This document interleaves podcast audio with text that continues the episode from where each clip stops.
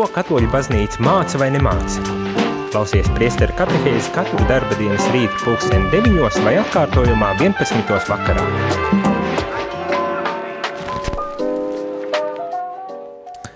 Labrīt, labrīt, rādījumā arī klausītāji ir kārtējais rīts, un šeit es, priesteris Jānis Meļņikovs, studijā uz priesteri katehēzi. Turpinām to, ko vakar uzsāku, un tas ir uh, lasīt un pārdomāt dokumentu, otrā Vatikānu koncila dokumentu par svēto liturģiju, Sacro Sanctum Concilium. Un kā jau es teicu jau vakar, visdrīzākais lielai daļai no jums ir arī savi, ir arī savi hm, priekšstati un pieņēmumi par to, kādai ir jābūt liturģijai un, un kas ir liturģija un, uh, un uh, nu, kas ir svētā mise vai ne, un uh, un kā vislabāk to varētu izdarīt, un tā tālāk, un tā joprojām. Bet, nu, varbūt tā šoreiz uh, mēs varam dalīties un varam uh, runāt par to, bet šoreiz arī ieklausīties, ko tad baznīca patiesībā saka, un varbūt tās to arī ņemt vērā, uh, kad mēs domājam par uh, liturģiju, par svēto misi. Mani, jo galu galā uh, tā visa bagātība un pieredze, kas ir uh, baznīcai uzkrāta vairāku tūkstošu gadu garumā, ir, ir tā vērts, lai tajā arī ieklausītos un varbūt tās mēģinātu rast atbildes caur šo dokumentu arī uz sevi interesējošiem jautājumiem. Tā kā pilnīgi droši varat rakstīt un, un dalīties un uzdot jautājumus, mēģināsim atbildēt un mēģināsim kopā arī ieklausīties, ko baznīca tad saka par liturģiju telefona numurs īsiņām 266, 77, 272 vai telefona zvaniem 67, 969, 131. Šorīt tad uzsākam un turpinam mm, lasīt eh, šo Vatikāna otrā koncila dokumentu par liturģiju un mēģināsim tad lienītiņām arī iet cauri un uh, ieklausīties, ko tad šis dokuments saka.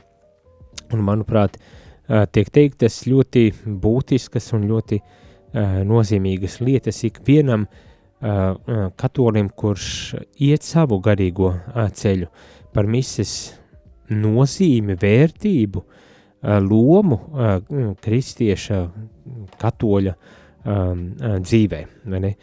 Tātad, kas tiek teikts? Liturģija, kurā it īpaši dievišķajā eharistijas upurī īstenojas mūsu atpestīšanas darbs, Tātad svētajā misē tiek īstenots mūsu atpestīšanas darbs. Zinām, kad Kristus tika sūtīts, Jēzus tika sūtīts pasaulē, lai veiktu šo atpestīšanas darbu, un tas šis darbs tad arī turpinas, un turpinas tieši caur pēdējo vakariņu mielastu, caur svēto misi, liturģiju, evaharistiju un varbūt tās vēl dažo, daudzos citos veidos, kā mēs raksturojam, kā mēs saucam svēto misi. Bet uh, Euharistijas upurī, tātad svētās misijas upurī īstenojas mūsu atpestīšanas darbs. Vai tas nav skaisti? Tas nav beidzies, tātad tas vēl joprojām turpinās un turpināsies līdz pat, kā mm, tiek teikts, laiku beigām. Tam ir jāturpinas līdz pat laiku uh, beigām. Šī baznīca vienaugs ir gan cilvēciska, gan dievišķa, Tā ir redzama, bet apveltīta ar neredzamās realitātes bagātību. Tā ir dedzīga darbībā, bet tajā pašā laikā nodevusies kontemplācijai. Tā ir klātesoša pasaulē, bet tajā pašā laikā svētceļo.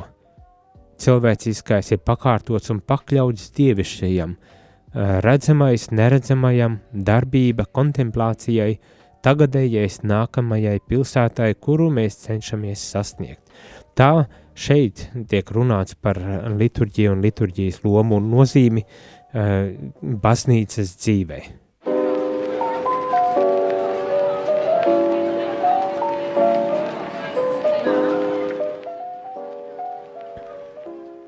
Tātad um, baznīcas dzīvē liturģija ir tā, kura ir pāri, no tā pāri visam vai it visā. Kā arī vakar jau minējām, ka liturģija ir tās mūsu kristīgās dzīves un baznīcas dzīves centrs, kuram visa redzamā realitāte, tiek pakārtota neredzamajai realitātei, ko mēs īpašā veidā piedzīvojam tieši svētās mises laikā, jeb evharistiskā upura laikā. Visa darbība, visa, visa rīcība, viss tiek pakārtots tātad šai neredzamajai realitātei, šai kontemplācijai, šai uh, dievišķajai, dievišķajam tiek pakļauts viss cilvēciskais svētajā misē, svētās misas upurī. Un tas norāda un ved mūs uz to pilsētu, kā šeit tiek teikts, kuru mēs cenšamies sasniegt. Par kādu pilsētu šeit tiek runāts? Nu, debesu Jeruzalemi. Tātad par pilsētu, kura, uz kuru mēs ticamies, šeit jau tiek runāts par to realitāti, kas, ir, kas sniedzas pāri mūsu šīs dzīves uh, realitātei. Tātad visa liturģija, visa svētā mise mūs ved, mūs aicina.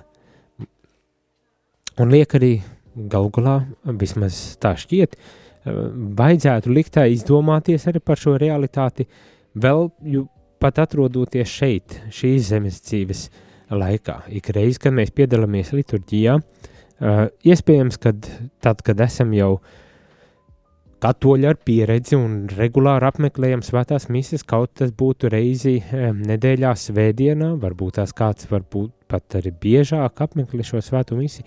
Protams, ka varam piedzīvot arī um, kā teikt, rutīnu, tādu sausuma pieredzi, kas ir ļoti normāla garīgā pieredze, caur kuru ikvienam jāiet, un, un kas ir garīgā brieduma ceļš, jāsaka arī tā, vai ne? Uh, ne, nevajag uzreiz šaustīt sevi un teikt, cik mēs slikti un cik mēs tādi vai šitādi esam, bet apzināties, ka arī šī izstādes pieredzes, eh, kas garlaicīgums, varbūt tās dažreiz nogurums, rutīna, kas ir iestājusies, tā ir zīme, ka mēs kļūstam aizvien pazīstamāki arī ar šo svēto misi, svētās misijas upuri, uh, ne, un, un var iestāties nedaudz tāds, eh, tāds noskaņojums vai gars.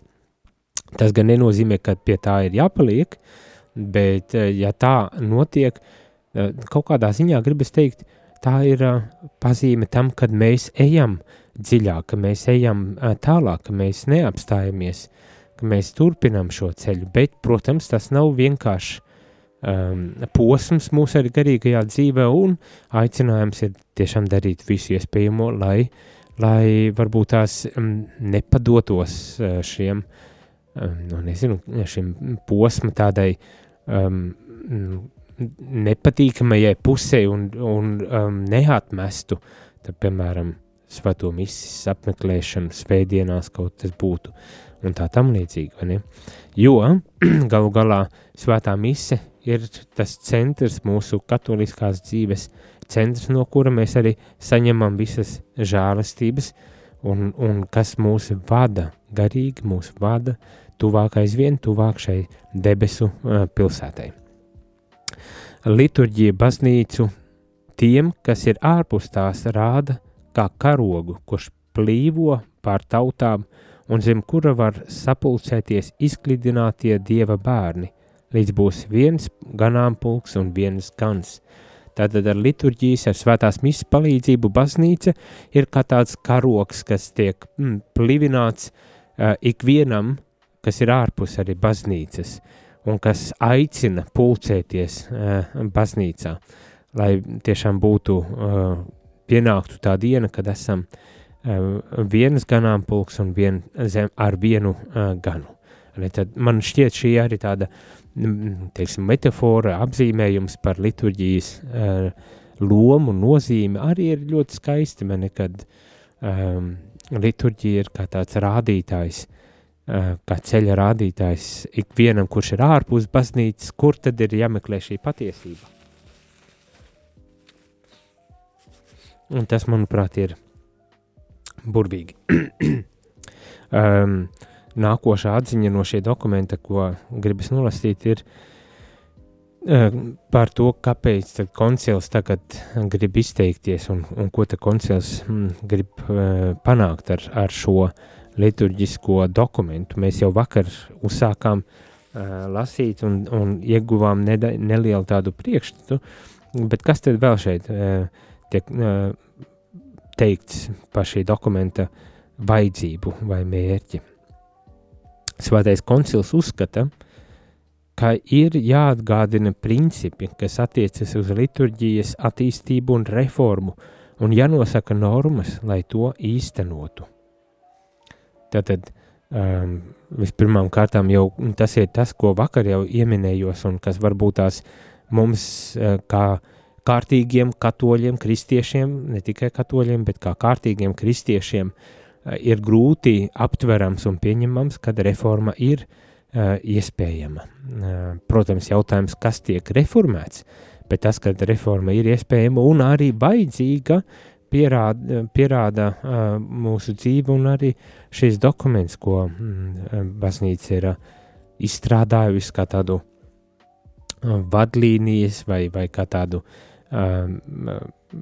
dokumentu, uz kā mēs varam balstīties, domājot un arī runājot par uh, kaut kādām pārmaiņām, reformām arī mm, baznīcā, tā izskaitā liturģijā, vai ne, tā izskaitā liturģijā. Tātad baznīca ar šī koncila starpniecību uh, vēlas uh, runāt par uh, liturģijas attīstību un reformu, nosakot normas, lai to varētu arī īstenot, atgādinot kādus principus un nosakot normas, lai varētu notikt liturģijas atjaunotne, lai liturģijas atjaunot varētu notikt. Hmm? Tā kā uh, tas varbūt tās ir tāds nevieglas apgalvojums, es atkārtojos, vai ne? Mm, bet baznīca tomēr arī uh, atzīst un pieņem to, ka ir lietām arī kādreiz jāmainas. Bet šeit jābūt arī uzmanīgiem, kas ir tas, kas mainās, kas ir tas pats pats būtiskākais, uh, kas ir tas, kas nemainīgais, jo uh, vai nav tā, ka mēs arī visi meklējam un kad Dievs ir tas nemainīgais, pie kā mēs vēršamies un uz kuru mēs tiecamies tai skaitā arī uz liturģiju, un tas, kādā veidā mēs to izdarām, varbūt tas uh, ir cits jautājums atkal. Bet jā, mēs pārdomāsim, kas tad ir šie principi un normas, ko baznīca, uz ko baznīca aicina, lai, lai tiešām varētu tad arī uh, um, labāk izprast un arī apzinātāk iet savu kristīgās dzīves ceļu.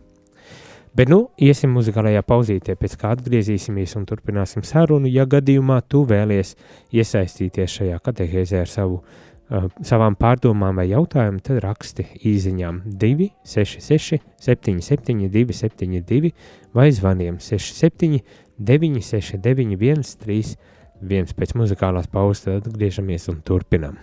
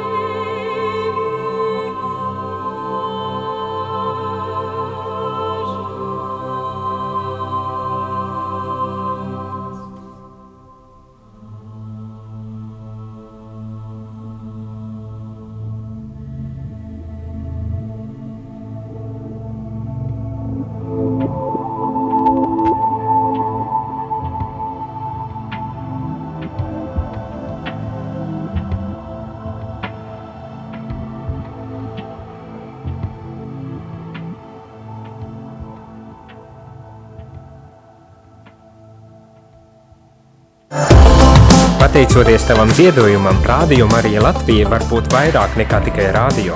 Zvani uz ziedojumu tālruni 900 67 69. Maksa par zvanu 4 eiro 27 centi.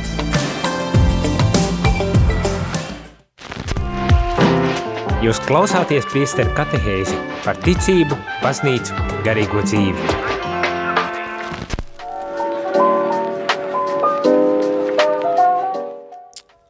Labrīt, labrīt, rādam arī klausītāji, esmu atpakaļ, priesteris Jānis Meļakovs un runājam par svēto liturģiju baznīcas Vatikāna otrā koncila dokumentu par svēto liturģiju sakru sanktum concilium.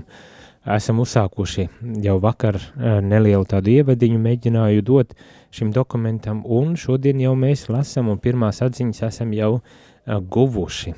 Vēl viena šim rītam, kas varbūt tās arī ļoti interesanti zināt, uh, bet ne, neviegli, es domāju, uh, saprā, saprotama un, un, un pieņemama, uh, jo ir, gribas teikt tā, savā veidā tāds iemesls nemieriem un, un, un nesaskaņām šobrīd baznīcā, bet nu, par to es tulītās pēc tam, kad nolasīšu pašu arī paragrāfiņu, um, paskaidrošu, ko es ar to domāju.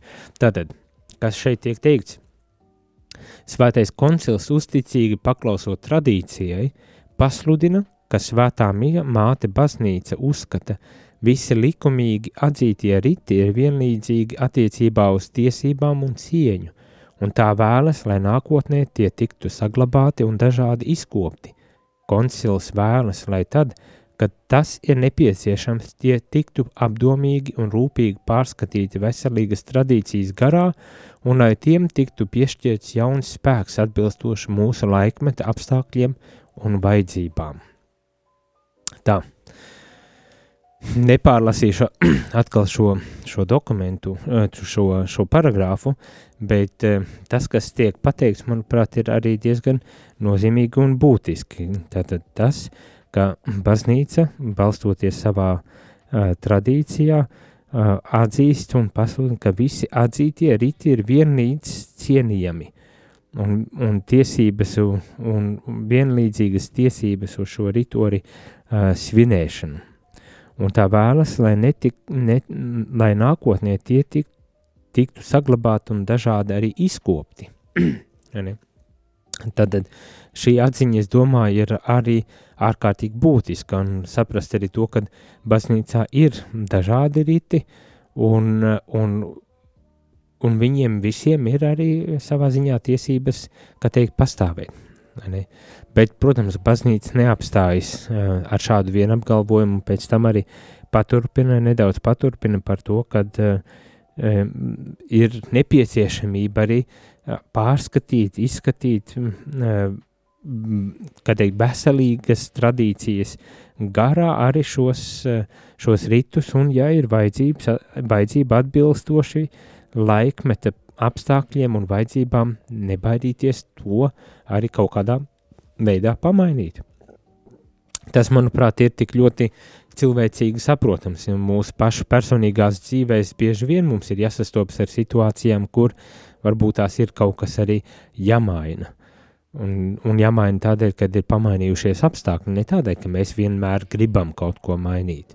Mani, bet tā kā tādēļ, kad ir pamainījušies apstākļi, esam sapratuši, ka kaut kas mm, līdz galam neatbilst mūsu uh, vajadzībām un, un mērķiem, iecerēm un tā tālāk, mēs esam gatavi mainīt. Un baznīca arī līdzīgi atzīst, kad arī attiecībā uz liturģiju un dažādiem ritiem tos rūpīgi izvērtējot un tradīcijas, veselīgas tradīcijas gaismā apskatot, ir gatava arī mainīt kaut ko no liturģiskajām tradīcijām, lai varētu tas, šī liturģija būt tiešām tāda, kas, kas palīdz cilvēkiem tad, tad doties uz šo debesu pilsētu, uz šo Jeruzalemi, lai būtu par, par tādu karogu, kas aicina cilvēkus savā baznīcā iekšā.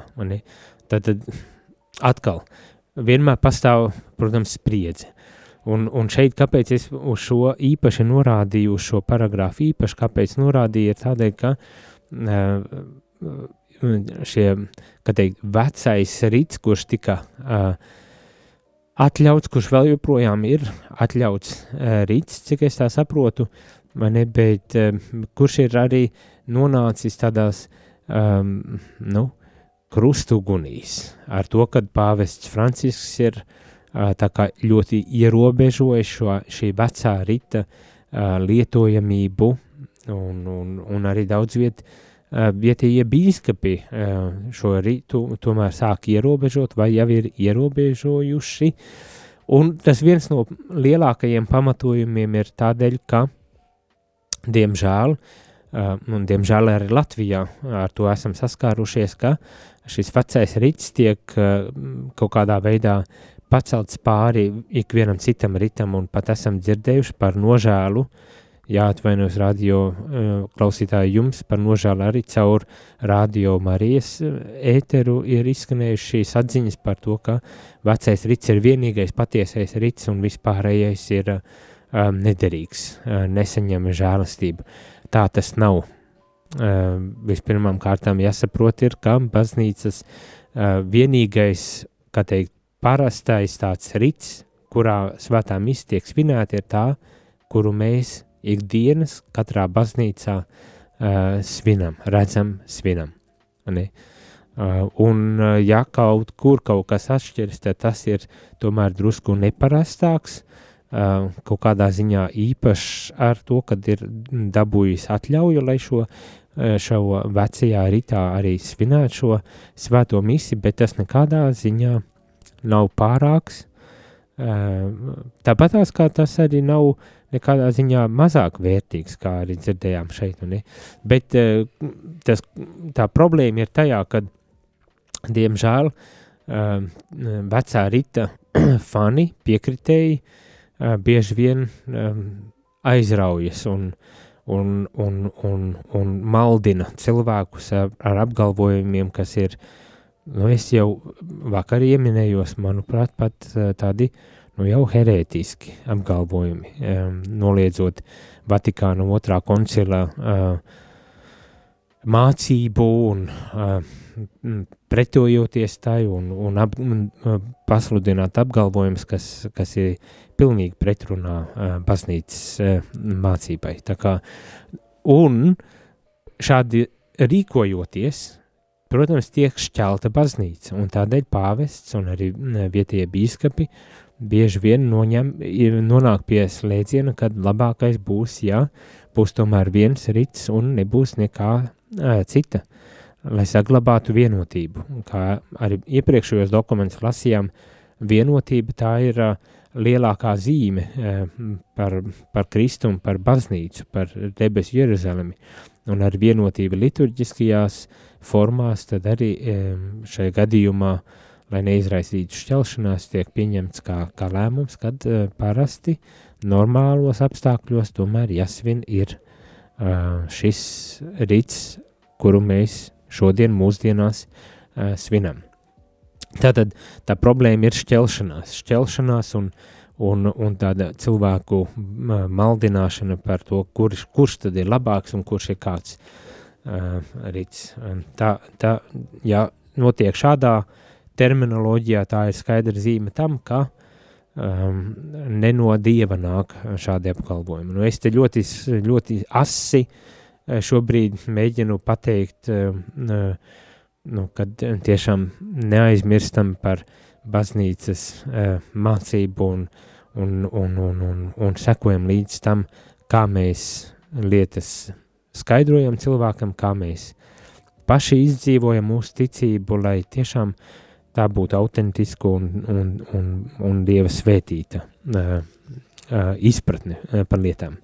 Um, nu, tā, man vismaz šķita, ka to būtu ārkārtīgi būtiski uh, pateikt, lai, lai nav nekādu pārpratumu, un it īpaši tādēļ, kad uh, ir izskanējušas šādas runas, un, un diemžēl tāda šķelšanās arī uh, Latvijas baznīcā dažu brīdi novērojam. Tā kā uh, ņemam pie zem auss, uh, un, un, un neko tādu uh, neatļaujam darīt. Bet tur, kur ir uh, kur veselīgi, cilvēki veselīgi arī izprot uh, šo vecā rīta uh, kā teikt, derīgumu un kur tas tiešām garīgi bagātina cilvēkus, kā šeit šis dokuments arī saka, principā nav nekādu problēmu. Tad tas to var arī svinēt.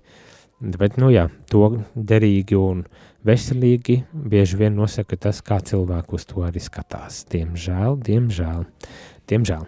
Bet, bet katrā ziņā uh, baznīca šo tradīciju, visas derīgās tradīcijas arī cenšas saglabāt un tās arī uh, izkopt, nezaudējot no, neko no šīs bagātības, kura, uh, kura baznīcā uh, ir piedzīvot un, un, un tiek uzturēta. Tā kā mēs arī esam aicināti tad smelties no šīs milzīgās bagātības un, un, un smelties žēlastības, uh, kuras Dievs sūta visdažādākajās formās un veidos uh, mums un, un, un ļauj mums piedzīvot uh, Dievu, pašu Dievu arī liturģijas dažādajās formās. Nu tā.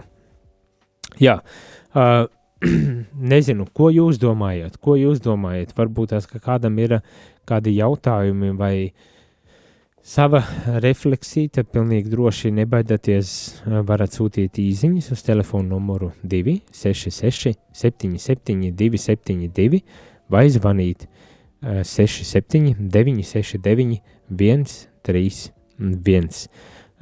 Ja gadījumā ir kādas pārdomas, savas pārdomas par liturģiju, liturģijas lomu un nozīmi arī jūsu pašu dzīvēm, tātad svētās misijas lomu un nozīmi jūsu pašu dzīvē, par ko jūs vēlaties padalīties, vai, vai varbūt tās ir kādi jautājumi, mm, kaut kādas neskaidrības no tā, ko mēs līdz šim esam lasījuši par šo liturģiju un, un, un gribat noskaidrot, tad droši, droši nebaidamies zvanam un runājam, bet tagad aiziesim muzikālajā pauzītē, lai tad atgrieztos un paturpinātu šo katehēzi par liturģiju.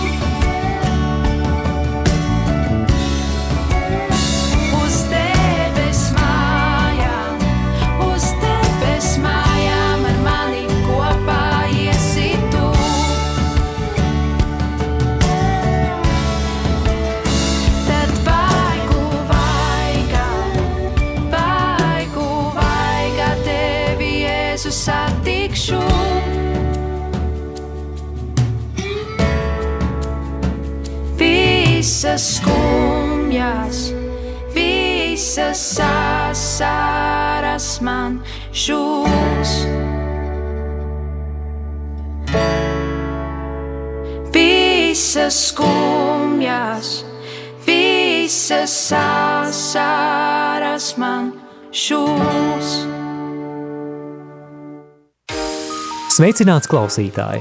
Ja tu dzirdi šo aicinājumu, visticamāk šī radiostacija tev ir kalpojusi stiprinot ticību un palīdzot ikdienā iet kopsolī ar baznīcu.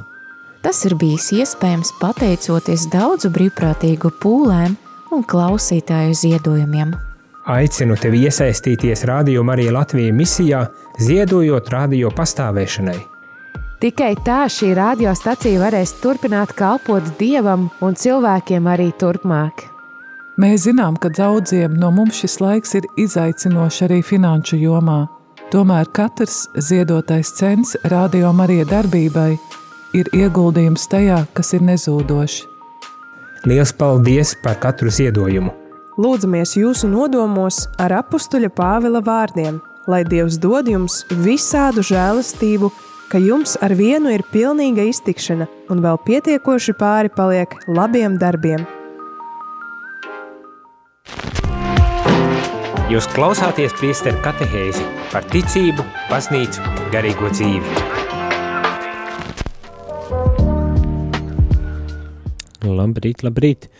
Šeit priesteris Jānis Meļņakovs un turpinam noslēdzam šī rīta katehēzi par liturģiju, sakru sanktumu konciliumu. Mēs lasām uh, um, šo Vatikāna otrā koncila dokumentu, kurš runā par baznīcas liturģijas atjaunotni, um, un kā jau dzirdējām, uh, tās, tās domas varbūt tās ir tādas, kuras um, nedaudz uh, liek arī mums aizdomāties, uh, nu, kā viena no tām svarīgākajām, ko es paņemu, varbūt tās jūs kaut ko citu, ja lasat kopā ar mani, ja klausāties šajā katehēzē, bet viena no tām domām ir, kad uh, ja ir vajadzība, tad baznīca arī uh, reformē uh, lietas, lai tās būtu tādas, kas tiešām cilvēkam palīdz doties uz debesu uh, Jeruzalemi, uz, uz pie Dieva, uh? Un, un tad izvērtējot visu tradīciju, arī liturģisko tradīciju, to kā mēs svinam svēto misi, kā mēs svinam šo euharistisko upuri, tad arī piedāvā kaut kādu atjaunošanos. Ne? Ar mērķi, kā arī jau vakar eh, teicu, lai tiešām būtu aizvien apzinātāka un aktīvāka, pilnvērtīgāka iesaistīšanās šajā eh, svētajā misē, jeb šajā liturģijā. Līdz ar to arī ņemot aktīvāku, aktīvāku dalību svētajā misē un arī apzinātāk piedalītos svētajā misē.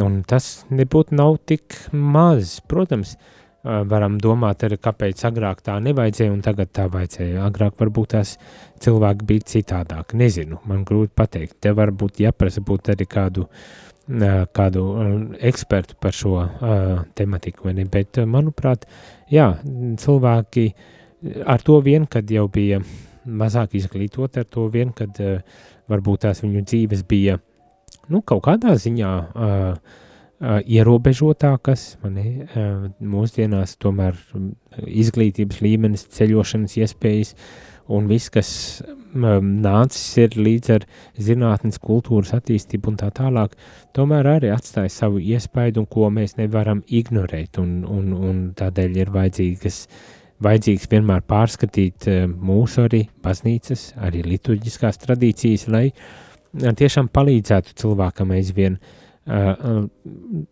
tuvoties Dievam arī caur šo liturģiju. Tā, tā ir nā, tāda mana atziņa, ko es uh, lasot šo dokumentu šobrīd tā paņemu. Ir dažādas, dažādi riti, kur katram, katrs, kurš ir atzīts, ir nu, tiesīgs un cienīgs rīts, lai to saglabātu un arī izkoptu, bet šeit arī nedaudz jāpievērš vērība tam, kad īpaši, kas attiec šo veco tridentisko ritu, ko atļāva pāvests Benedikts pēc pāvests Francisks ļoti, ļoti ierobežoja šobrīd, tad jāapzinas, ka liturģija nevar kļūt par uh, nedrīkst kļūt par šķelšanās iemeslu, un tas, diemžēl, ir noticis.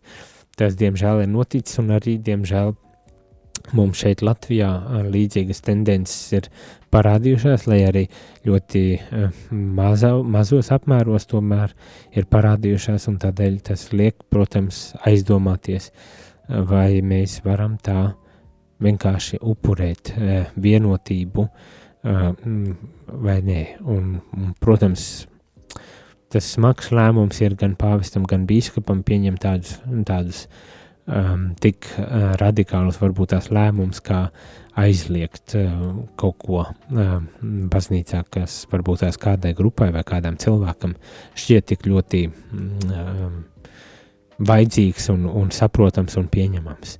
Bet jāapzinas arī, kad um, šeit šis dokuments, runājot par liturģiju, um, atzīst visus veselīgos ritus un, un, un atzīst to tiesības un, un cēlumu un būt svinētam un, un tiešām bagātināt cilvēku garīgo dzīvi. Bet, bet jā, mūsu, mūsu laika problēmas, mūsu laika problēmas, protams, tās nav tikai mūsu laika problēmas, ir uh, vienmēr ir bijušas šķelšanās tendences un tā tālāk, bet, uh, bet nu jā, tad jā, jārisina arī šie jautājumi un jādomā par to, kā tiešām saglabāt baznīcas vienotību, jo galu galā tā ir lielākā uh, zīme uh, par Kristus klātbūtni mūsu vidū un par to, kā viņš mūs svētī un, un vada. Mm? Nu tā, bet uh, tagad noslēgumā vēl gribas uh, pieminēt uh, kādu, kādas atziņas par to, uh, nu, kāda tad ir šīs liturģijas būtība un nozīme baznīcas dzīvē. Un tā, es domāju, jūs jau visi eh, radio arī klausītāji varat aizdomāties, ir ārkārtīgi, ārkārtīgi liela. Tātad eh, šis dokuments sāk no, eh, kā teikt, cilvēces sākumiem un pat vēl pirms cilvēces sākumiem. Un nonāk līdz tam, kad um, Dievs sūtīja savu dēlu, lai viņš tad uh, cilvēku tapušu, cilvēku tapis, svētā gara vadīts, Eh, pasludinātu nabagiem labo vēsti, dziedinātu satriektās sirdis, mm, kā miesas un dvēseles ārsts un vidutājs starp dievu un cilvēkiem. Eh, tika sūtīts šis uh, dieva dēls, jo viņa cilvēciskums vienotībā ar vārda personu ir kļuvis par mūsu pestīšanas instrumentu. Tātad Jēzus cilvēcība un uh, viņa vārda persona ir kļuvusi par pestīšanas instrumentu. Nu, diezgan tādi sarežģīti, sarežģīti tie teikumi dažu brīdi skan, bet vienmēr sakot, Kristus iemiesošanās dzīve šeit uz zemes, un, protams, arī viņa vārdi ir kā mūsu pestīšanas instruments. Tāpēc Kristū ir notikusi mūsu pilnīgā izlīkšana, un mums ir dota dievišķā kulta pilnība. Tātad tas, kas ir jāpatur prātā, tas pati būtība, liturģijas pati būtība un nozīme baznīcas dzīvē ir tas, kad Kristus vēl joprojām ir klātesošs mūsu vidū caur liturģiju, caur svēto misi, ka viņš caur šo svēto misi un liturģiju turpina savu pestīšanas darbu mūsu dzīvē. Un tas ir pats svarīgākais, ko varbūt tās arī jāpatur prātā.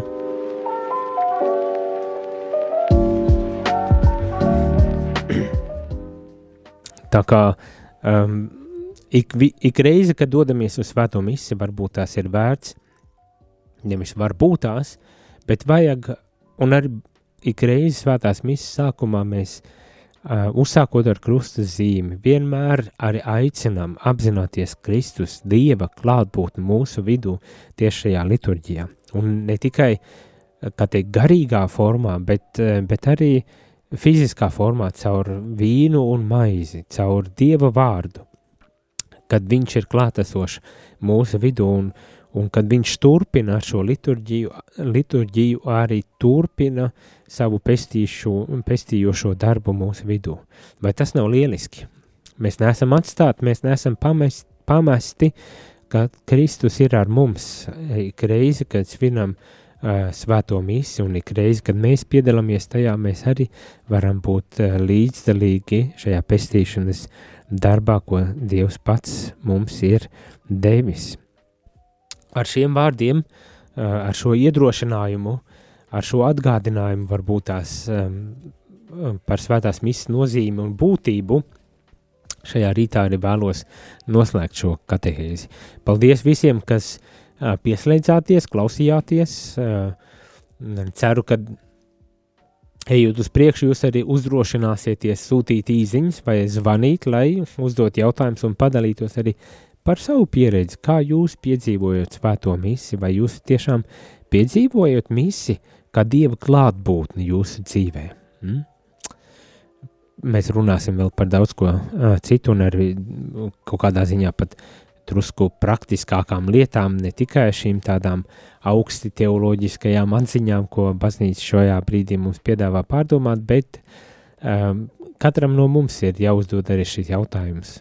Katram no mums ir jāapzinas uh, šī dāvana, ko Kristus mums ar savu dzīvi ir devis un ko viņš mums ir atstājis caur svēto misi. Un ik reiz, kad ejam uz to misi, mums vajadzētu varbūt tās arī padomāt, uz kurien mēs dodamies un ko mēs tur uh, saņemsim, ko mēs tur sastapsim.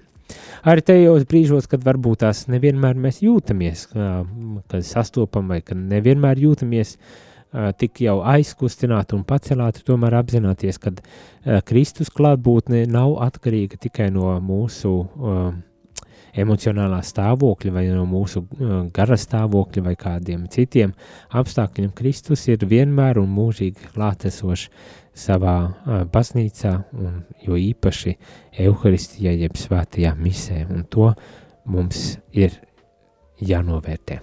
Bet tagad gan teikšu visiem paldies un uz tikšanos jau rīt, uh, lai skaista šī trešdiena.